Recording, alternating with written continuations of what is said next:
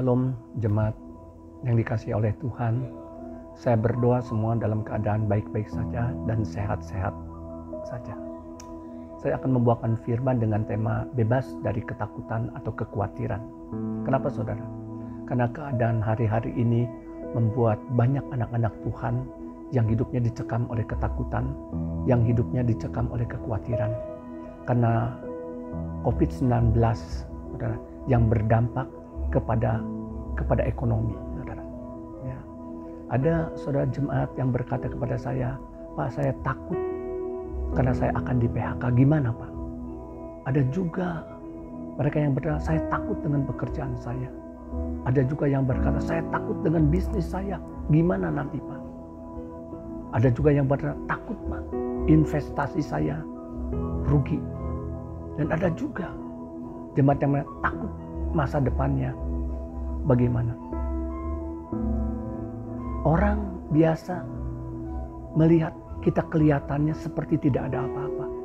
Tapi secara hati, saudara, mungkin mereka sedang dicekam oleh ketakutan dan kekhawatiran.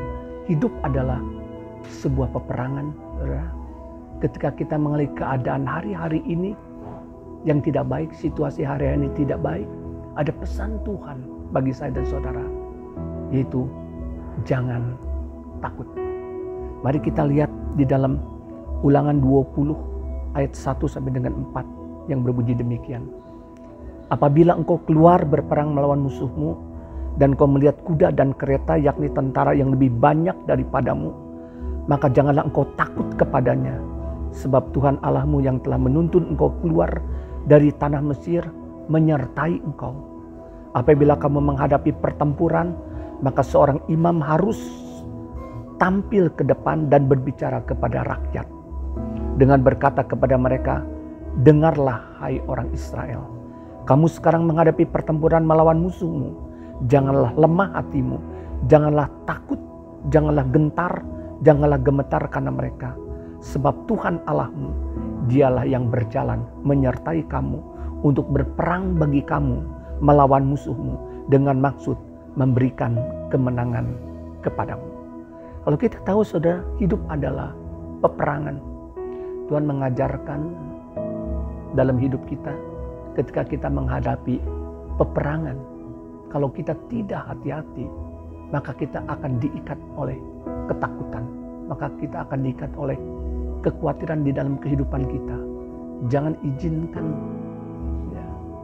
kita diikat oleh ketakutan, kekhawatiran dalam kehidupan kita.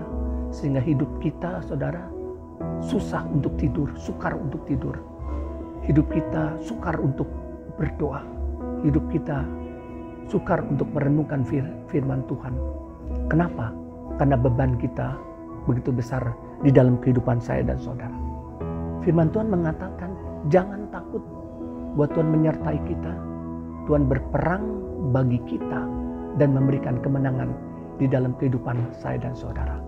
Strategi iblis hari-hari ini saudara untuk melumpuhkan kehidupan anak-anak Tuhan untuk melumpuhkan kesehatan daripada anak-anak Tuhan dan untuk menumpukan masa depan anak-anak Tuhan. Dengan cara bagaimana?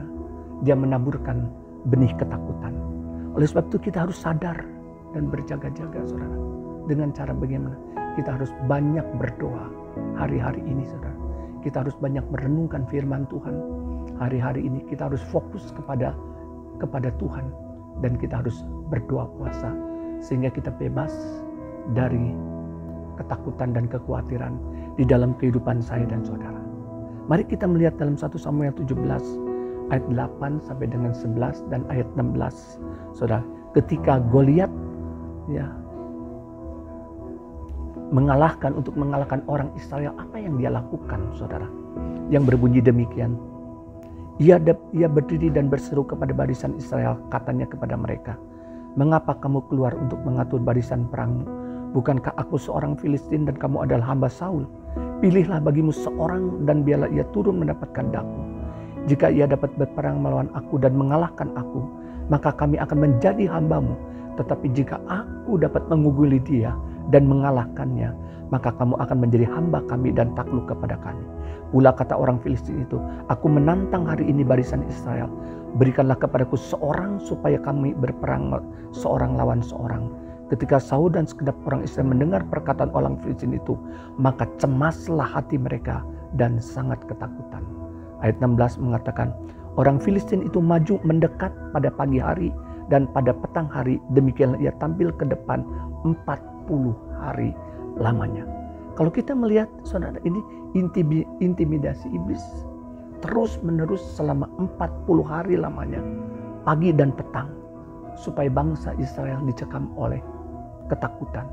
Sama dengan kita. Intimidasi iblis bekerja hari-hari. Dia bisa berkata kamu orang gagal. Kamu sudah tidak ada masa depan lagi. Kamu pasti mati dalam kehidupan ini. Sadarilah bahwa Tuhan menyertai saya dan saudara. Tadi firman Tuhan mengatakan, jangan lemah hati kita. Jangan takut, jangan gentar, jangan gemetar. Sebab apa? Tuhan menyertai saya dan saudara. Dan firman Tuhan mengatakan, aku sekali-kali tidak akan meninggalkan engkau dan membiarkan engkau. Jadi ada Tuhan yang akan membuka jalan bagi kita. Ada Tuhan yang akan menggendong saya dan saudara. Ada Tuhan yang akan membela saya dan saudara.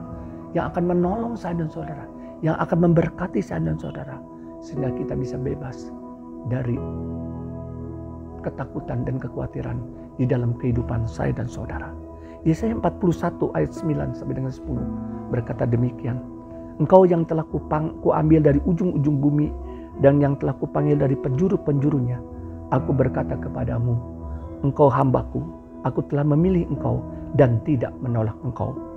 Jangan takut sebab aku menyertai engkau. Jangan bimbang sebab aku ini Allahmu. Aku akan meneguhkan, bahkan akan menolong engkau. Aku akan memegang engkau dengan tangan kananku yang membawa kemenangan. Firman Tuhan mengatakan, aku telah memilih engkau dan tidak menolak engkau. Sejak di dalam kandungan ibu kita, Tuhan sudah memilih kita. Bahkan Tuhan sudah punya rencana yang besar dalam kehidupan saya dan saudara. Dan dia tidak menolak kita tidak menolak apanya? Doa kita, iman kita, perjuangan kita. Ya, Tuhan memilih kita. Kenapa? Karena Tuhan mengasihi saya dan saudara. Jadi bagaimana kita bisa lepas, bisa bebas dari ikatan ketakutan, kekuatan dalam kehidupan kita? Firman Tuhan mengatakan berdoa jangan takut karena Tuhan menyertai engkau. Bagian kita, kita terus banyak merenungkan firman Tuhan, dengarkan firman Tuhan. Karena iman timbul daripada pendengaran, pendengaran akan firman Tuhan. Dalam kehidupan saya dan saudara, perkataan siapa yang kita dengar hari-hari ini? Perkataan Tuhan lah, firman Tuhan lah, atau perkataan iblis yang kita dengar? Ayub berkata, apa yang kamu takutkan, itu yang akan mendatangi engkau. Allah beserta dengan kita saudara. Tuhan menyertai saya dan saudara 24 jam dalam sehari. Sepanjang hidup kita Tuhan menyertai kita dan Tuhan tidak pernah meninggalkan kita. Sekalipun kita tidak setia, Tuhan tetap setia kepada saya dan saudara. Dia selalu menyertai saya dan saudara. Oleh sebab itu saudara, Immanuel artinya Tuhan beserta dengan kita.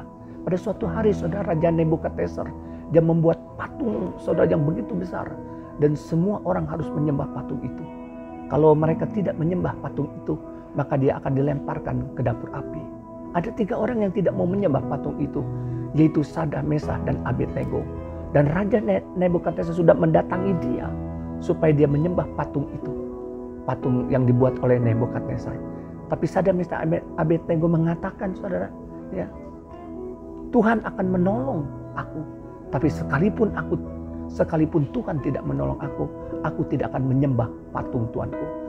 Akhirnya saudara, perapian dipanaskan tujuh kali lipat saudara. Dan mereka dilemparkan ke dapur api. Tapi setelah itu saudara kita melihat bahwa mereka tidak mati. Mereka tidak terbakar. Mereka tidak hangus. Baik rambutnya juga bau hangus tidak ada. Bau jubahnya juga tidak berbau hangus. Ada penyertaan Tuhan. Ada perlindungan yang daripada Tuhan. Penyertaan Tuhan tidak menyingkirkan kita dari masalah persoalan, dari badai, dari bahaya. Tapi pernyata, penyertaan Tuhan, saudara, membuat saya dan saudara bisa melewati masalah persoalan badai di dalam kehidupan saya dan saudara. Yang kedua, saudara, Immanuel artinya berarti Tuhan di dalam kita.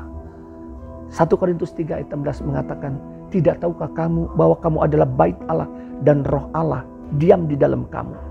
Jadi ada satu pribadi yang luar biasa dalam kehidupan saya dan saudara. Ada satu pribadi yang dahsyat dalam kehidupan saya dan saudara. Yaitu namanya roh kudus. Tuhan yang dahsyat itu, Tuhan yang luar biasa itu ada di dalam kehidupan saya dan saudara. Dan dia memutuskan untuk diam di dalam kehidupan saya dan saudara dan menyertai saya dan saudara selama-lamanya. Bukan satu tahun, lima tahun, tapi selama-lamanya. Yaitu siapa? Roh Kudus. Dia penolong kita, dia penghibur kita, dia akan dia yang akan mengingatkan tentang perkataan Yesus dalam kehidupan saya dan saudara. Oleh sebab itu hidup kita harus dipimpin oleh Roh Kudus, saudara. Ya, kita adalah manusia roh, saudara. Kita harus aktifkan roh kita, saudara. Kenapa Paulus bisa kuat di dalam pelayanan? Sekalipun dia banyak penderitaan di dalam kehidupannya, keluar masuk penjara, dilempari batu. Bahkan dia berkata, segala perkara dapat kutanggung di dalam dia yang memberikan kekuatan kepadaku. Karena Paulus mengaktifkan ya, rohnya, saudara. Sehingga dia kuat di dalam pelayanannya, di dalam kehidupannya. Paulus, saudara. Bahkan dia katakan, aku berbahasa roh lebih daripada semua orang. Immanuel yang ketiga artinya Tuhan di pihak kita. Roma 8 ayat 31 mengatakan, sebab itu apakah yang akan kita katakan tentang semuanya itu? Jika Allah di pihak kita, siapakah yang akan melawan kita? Kalau Tuhan di pihak kita, siapa yang akan melawan kita? Maka ada kemenangan di dalam kehidupan saya dan saudara. Tuhan beserta dengan kita saudara. Tuhan ada di dalam kita. Tuhan ada di pihak kita saya dan saudara harus menyadari bahwa ada penyertaan Tuhan yang luar biasa di dalam kehidupan saya dan saudara. Sehingga saya dan saudara tidak akan dicekam ketakutan, tidak akan dicekam oleh kekhawatiran. Kita harus banyak berdoa hari-hari ini saudara. Merenungkan firman Tuhan saudara. Fokus bukan kepada keadaan hari-hari ini. Fokus kepada Tuhan. Dan kita harus berpuasa juga saudara. Maka kita akan melihat saudara. Tuhan akan menyertai saya dan saudara Tuhan akan memberikan kemenangan di dalam kehidupan saya dan saudara. Karena Tuhan yang berperang bagi saya dan saudara di dalam kehidupan ini. Sehingga kita bebas dari ketakutan, kekhawatiran yang sedang terjadi hari-hari ini. Tuhan memberkati kita semua.